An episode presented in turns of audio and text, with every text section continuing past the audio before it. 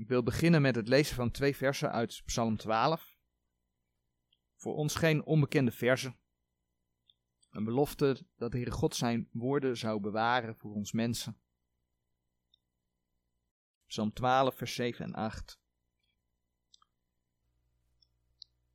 De redenen des Heren zijn reine redenen, zilver gelouterd in een aarde smeltkroes, gezuiverd zevenmaal. Gij, Heren, zult hen bewaren, gij zult hen behoeden voor dit geslacht tot in eeuwigheid. Ja, vanmorgen, ik noemde het in het gebed al even. Geen vers voor vers uit Romeinen. Niet een studie in het kader van eh, de serie De Zekerheid Bevestigd en ook niet een stroming die we bespreken.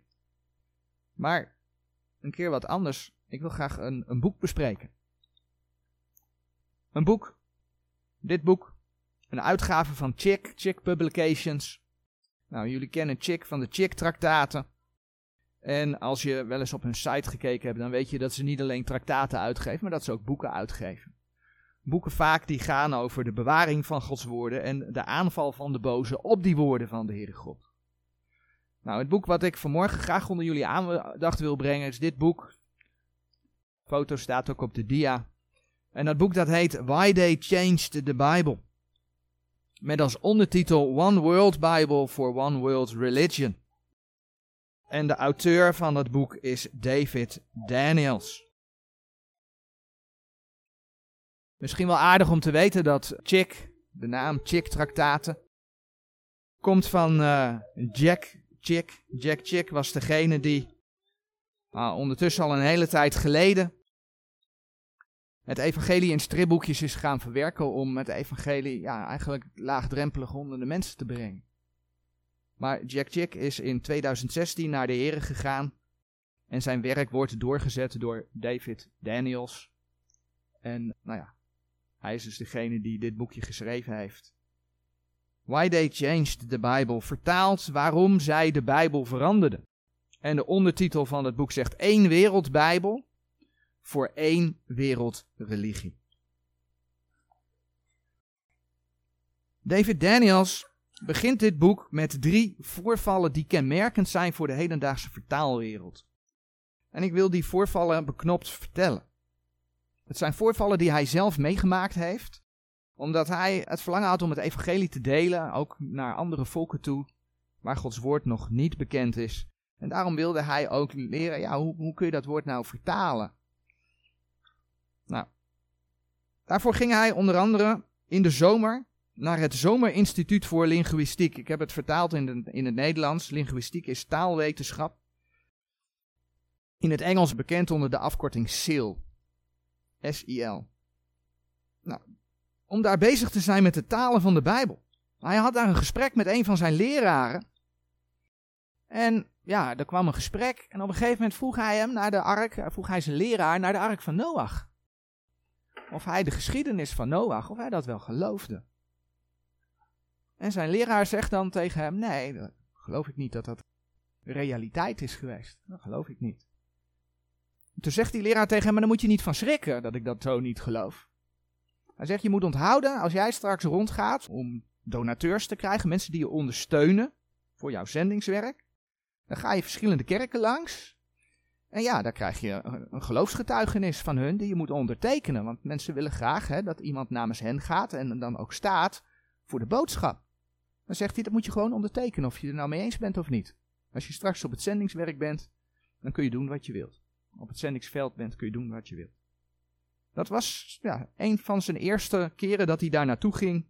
En dat hij zo met zijn leraar in gesprek was. De volgende zomer werd hij op dat instituut geconfronteerd met een vraag van een docent. Dus in, in een van de lessen, zeg maar. En de stelling waar die docent mee kwam, was dat er culturen zijn die geen schapen kennen. Nou, in de Bijbel kom je veel schapen tegen, hè? Veel herders, schapen. En de vraag was dan van die docent: hoe ga je dat vertalen? Hoe ga je dat vertalen als ze in een cultuur waar jij komt geen schapen kennen? Nou, in die klas werd geleerd dat je dan mensen niet moet gaan leren wat een schaap is, maar dat je in hun eigen cultuur op zoek moet gaan naar iets wat bij hen hetzelfde idee geeft als wat bij jou een schaap geeft. Oftewel, men gaat Gods woorden niet vertalen, maar aanpassen aan een cultuur. Wat je dan krijgt, dit is niet Gods woord, dit is een kunstwerk. Wat je dan krijgt, is bijvoorbeeld dit. Als voorbeeld is dit even bedoeld. Dit is een kunstwerk van het laatste avondmaal. The Last Supper van Marcos Zapata, die hij in 1753 schilderde, toen al. En wat je daarin ziet is dat de Heer Jezus met zijn discipelen aan het laatste avondmaal zit. Het laatste avondmaal, dat werd gehouden in de tijd van de Pascha, hè, de Joden Pascha vierden. En wat slachten de Joden dan? Een, een lam. Maar wat daar op tafel ligt is geen lam. Dat is een cavia. Dat is een cavia. Ja. Hij schilderde het, het laatste avondmaal met de Heer Jezus en de apostelen rond een cavia in plaats van een lam. Nou, zo blijkt op andere schilderijen van hem allerlei symbolen te staan uit de Inca-cultuur. Uit de Inca-cultuur. Dus uit de Inca-religie. En de vraag is dan of dit kunstwerk, voor zover een kunstwerk al ter ere van de Heer is, maar dat laten we dan even in het midden, of dit kunstwerk ter ere van de Heer is, of dat er eigenlijk, doordat er allerlei elementen van, van de Inca-religie in zitten, een verering is van wat in het Oude Testament Baal genoemd wordt, de zonnegod. Nou, dit gaat dus over schilderijen. Maar dit soort discussies, die worden dus ook bij vertaalwerk gevoerd. In het begin van het boek noemt hij over, ja, als je de Bijbel voor moslimvolken gaat vertalen, hoe moet je dan omgaan met de zoon van God? Want moslims kennen Allah heeft geen zoon. Nou, hij beschrijft dat het nu nog steeds de voorkeur vindt, omdat ze dat niet kunnen ontkennen dat er zoon van God staat. Maar het feit dat er over gediscussieerd wordt. Dat gebeurt er dus in instituten die bezig zijn met het verspreiden van de Bijbel. Maar je begrijpt wel dat het consequenties heeft, want Jezus Christus is het lam van God dat de zonde der wereld wegdroeg. Hij is niet de cavia van God. Toch kozen de meeste deelnemers, schrijft hij aan de cursus onder leiding van de leraar, om iets uit de cultuur te nemen en dat voor die mensen belangrijk is. Voel je het? Het gaat dus niet meer om de woorden, maar het gaat om wat voor de mensen belangrijk is. Dat is een manier van vertalen. Als je gaat kijken hoe bijvoorbeeld het NBG in Nederland vertaalt, dan komen ze daar graag mee. Dat noemen ze dynamisch equivalent vertalen. Heb je de term een keer gehoord? Dynamisch equivalent vertalen. Dat is dus dat je er iets anders voor invult om het dicht bij de mensen van de cultuur te brengen. Is dan de menselijke gedachte, hè? de menselijke gedachte. Bij een volgende zomertraining bij Sil ontstond er een gesprek over het gebied waar hij graag naartoe zou willen gaan. En David Daniels kreeg toen het advies van iemand die daar in dat gebied al zendelingen kende. En werd hem warm aanbevolen, want die zouden hem goed ter hulp kunnen zijn. Zeker ook op het vlak van het vertalen. En toen ging hij kijken wat dat was, wat daar zat. Het waren Rooms-Katholieken. Drie voorvallen. Bij een instituut dat van origine niet Rooms-Katholiek is.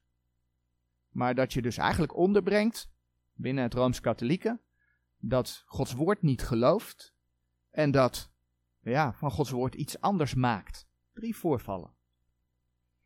Nou, deze drie situaties schetsen heel gewoon dat er iets mis is bij organisaties die Bijbelvertalingen maken. En nu beschrijft dit boek speciaal de rol van één man. En ja, ik weet niet of ik de namen helemaal goed uitspreek. Maar die ene man is Eugene Nida. Ik spreek het op deze manier uit. Dat boek laat zien hoe deze ene man, een van de organisatoren van dat zomerinstituut, van SIL was, maar hoe diezelfde man ook bij de oprichting betrokken was van Wycliffe Bijbelvertalers. Hoe dezelfde man een belangrijke functie had binnen het Amerikaans Bijbelgenootschap. En hoe hij een van de oprichters was van het United van de United Bible Societies, oftewel de Verenigde Bijbelgenootschappen.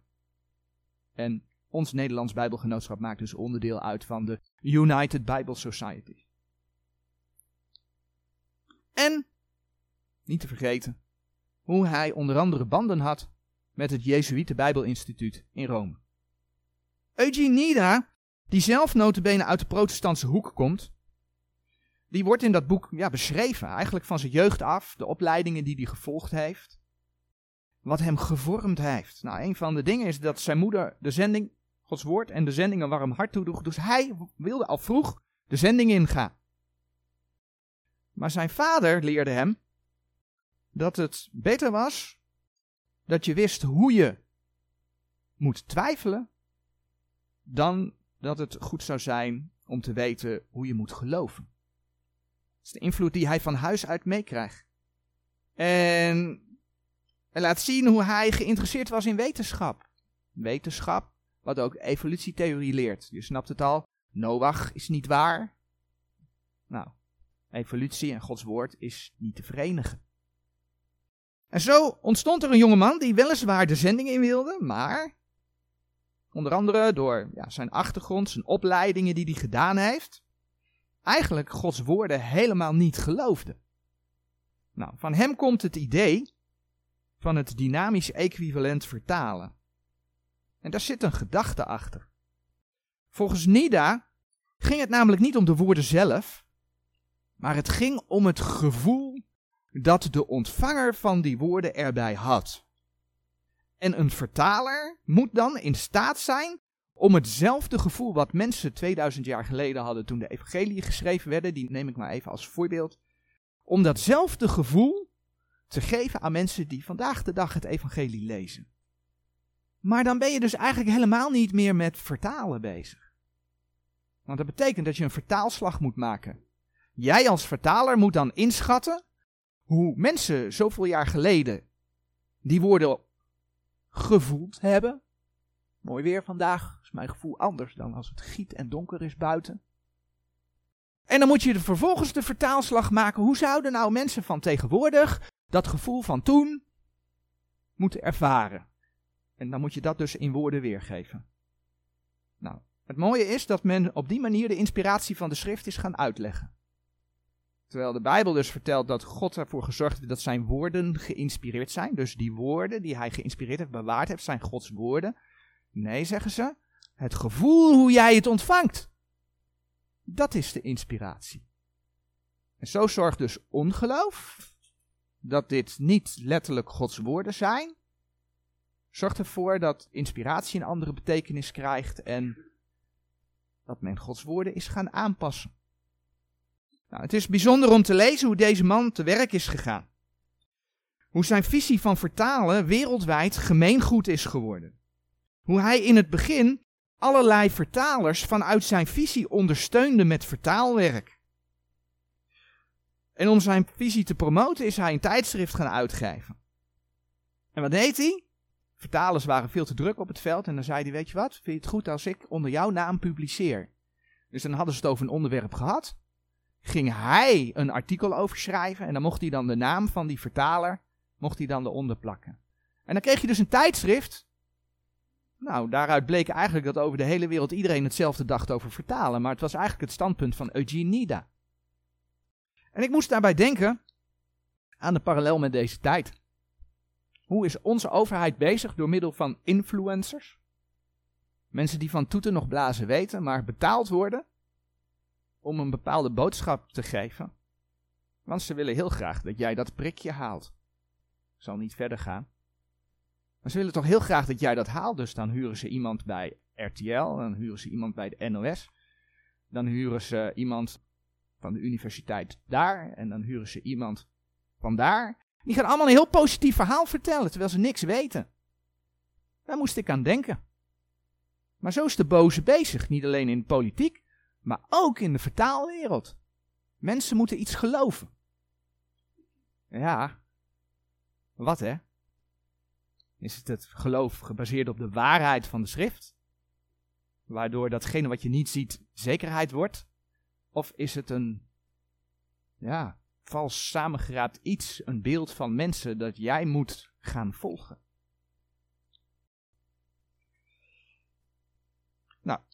Dat boek laat ook zien hoe Rome, want deze man is zelf niet rooms-katholiek, maar hoe Rome de ontwikkeling van deze man heeft gevolgd. En hoe Rome op het juiste moment de juiste Jezuïeten op zijn pad heeft gebracht. Dat er een heuse samenwerking ontstond.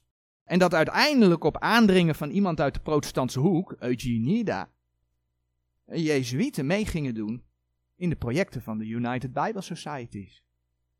En zo ontstond er, en dan hebben we het over 1979 notabene, dat is al best een tijdje terug, ontstond er één gezamenlijke Griekse tekst, maar ook één gezamenlijke Hebreeuwse tekst en één gezamenlijke Latijnse tekst. Die nu door alle Bijbelgenootschappen die onder de United Bible Societies vallen gebruikt wordt. Nou, nog niet zo lang geleden heb ik aan de hand van de gotische en de Angelsaksische vertalingen onder andere overzichtjes laten zien. Waarin ik diverse reformatieteksten onder elkaar heb gezet, waaronder de gotische en de Angelsaksische Bijbeltekst, die dezelfde tekst als de Reformatiebijbel hebben. Maar ook heb ik laten zien wat de nieuwe vertalingen en de Roomse vertalingen daarvan gemaakt hebben. Wat je zag was de overeenkomst tussen de Roomse en de nieuwe protestantse vertalingen. Wat je zag dat die als groep afwijken van die. Maar ook ben ik daarin op een gegeven moment in mee gaan nemen. De Engelse vertaling van de Latijnse Vulgaat van Rome, die in 1582 is uitgebracht door Rome. En wat we toen zagen, is dat de nieuwe Roomse vertalingen, samen met de nieuwe protestantse vertalingen, vaak verder gingen dan die. Deze leken af en toe nog een beetje op de reformatietekst. Dat heb ik toen onder woorden gebracht. Het mooie is dat dit boekje dat is weer een nieuw detail, ook voor mij, eigenlijk de reden daartoe liet zien. Toen deze vertaling gemaakt werd, 1582, toen was er al zoveel van Gods woord bekend, dat ze het niet konden maken om meer aan te passen. Want als ze nog meer zouden aanpassen, dan zouden ze die Bijbel niet meer aan de man krijgen. Dus hebben ze minder aangepast.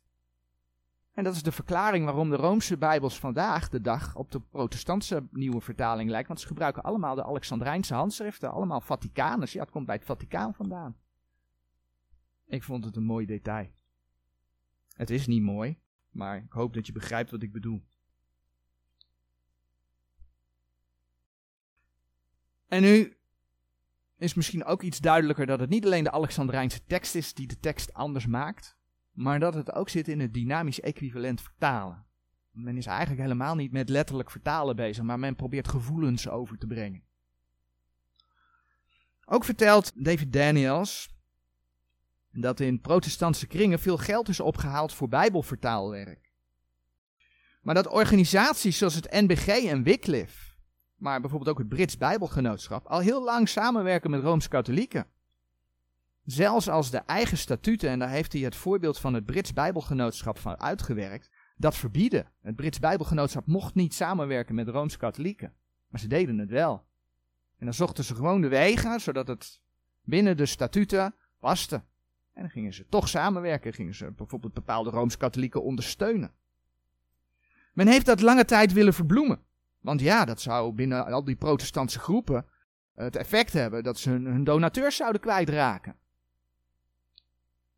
geld.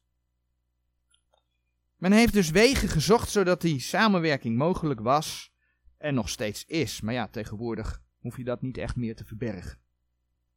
En zo is veel geld van mensen die Gods woorden vertaald wilden hebben. Daar komt hij in rooms-katholieke bijbelvertalingen terechtgekomen. Want eigenlijk zijn die nieuwe, die nieuwe protestantse bijbels zijn eigenlijk rooms-katholieke bijbels. En dan speelt daarin nog het verhaal van de apocryfen mee. Die spelen daar een heel belangrijke rol in. Rome heeft extra bijbelboeken. Maar dat is de tijd nu te kort. Ik zou zeggen, als je het kunt, de meeste mensen kunnen wel een beetje Engels. Het boek is niet moeilijk geschreven. Maar lees het eens. Het geeft, uh, hè, binnen diverse preken heb ik aandacht besteed aan Alexandrië, aan Antiochie. Maar dit laat net even andere aspecten zien Waardoor je ziet wat voor een vuil spelletje er gespeeld is. En dat is, dat is niet verwonderlijk. Want de Satan wordt in Genesis 3 al een listig wezen genoemd.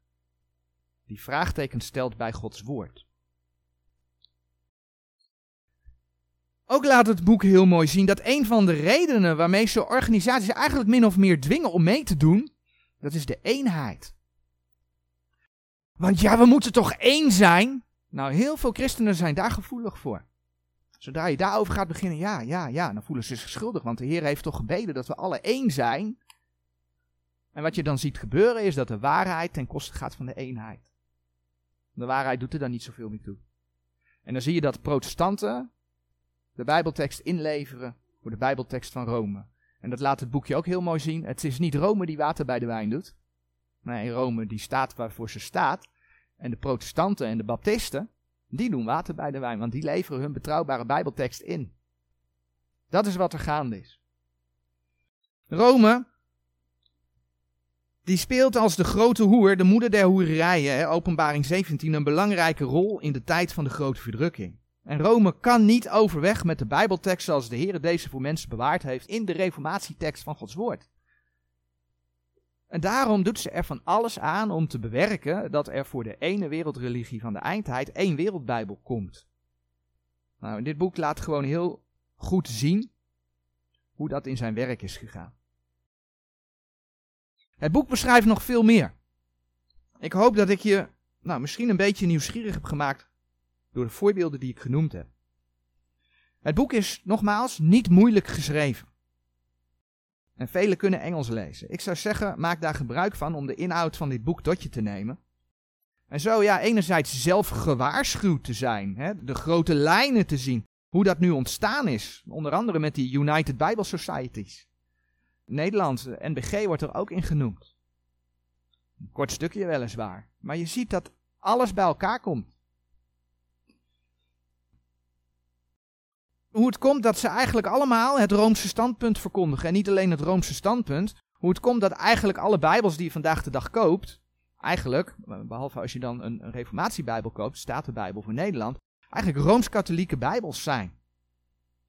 En anderzijds lezen, zodat je ja, een stukje kennis opbouwt. Waardoor als je er met anderen over in gesprek bent, je gewoon meer munitie hebt. Om te kunnen staan voor Gods woord. Je kunt het boek, ik heb net de dia voorgezet, Why They Changed the Bible, van David Daniels.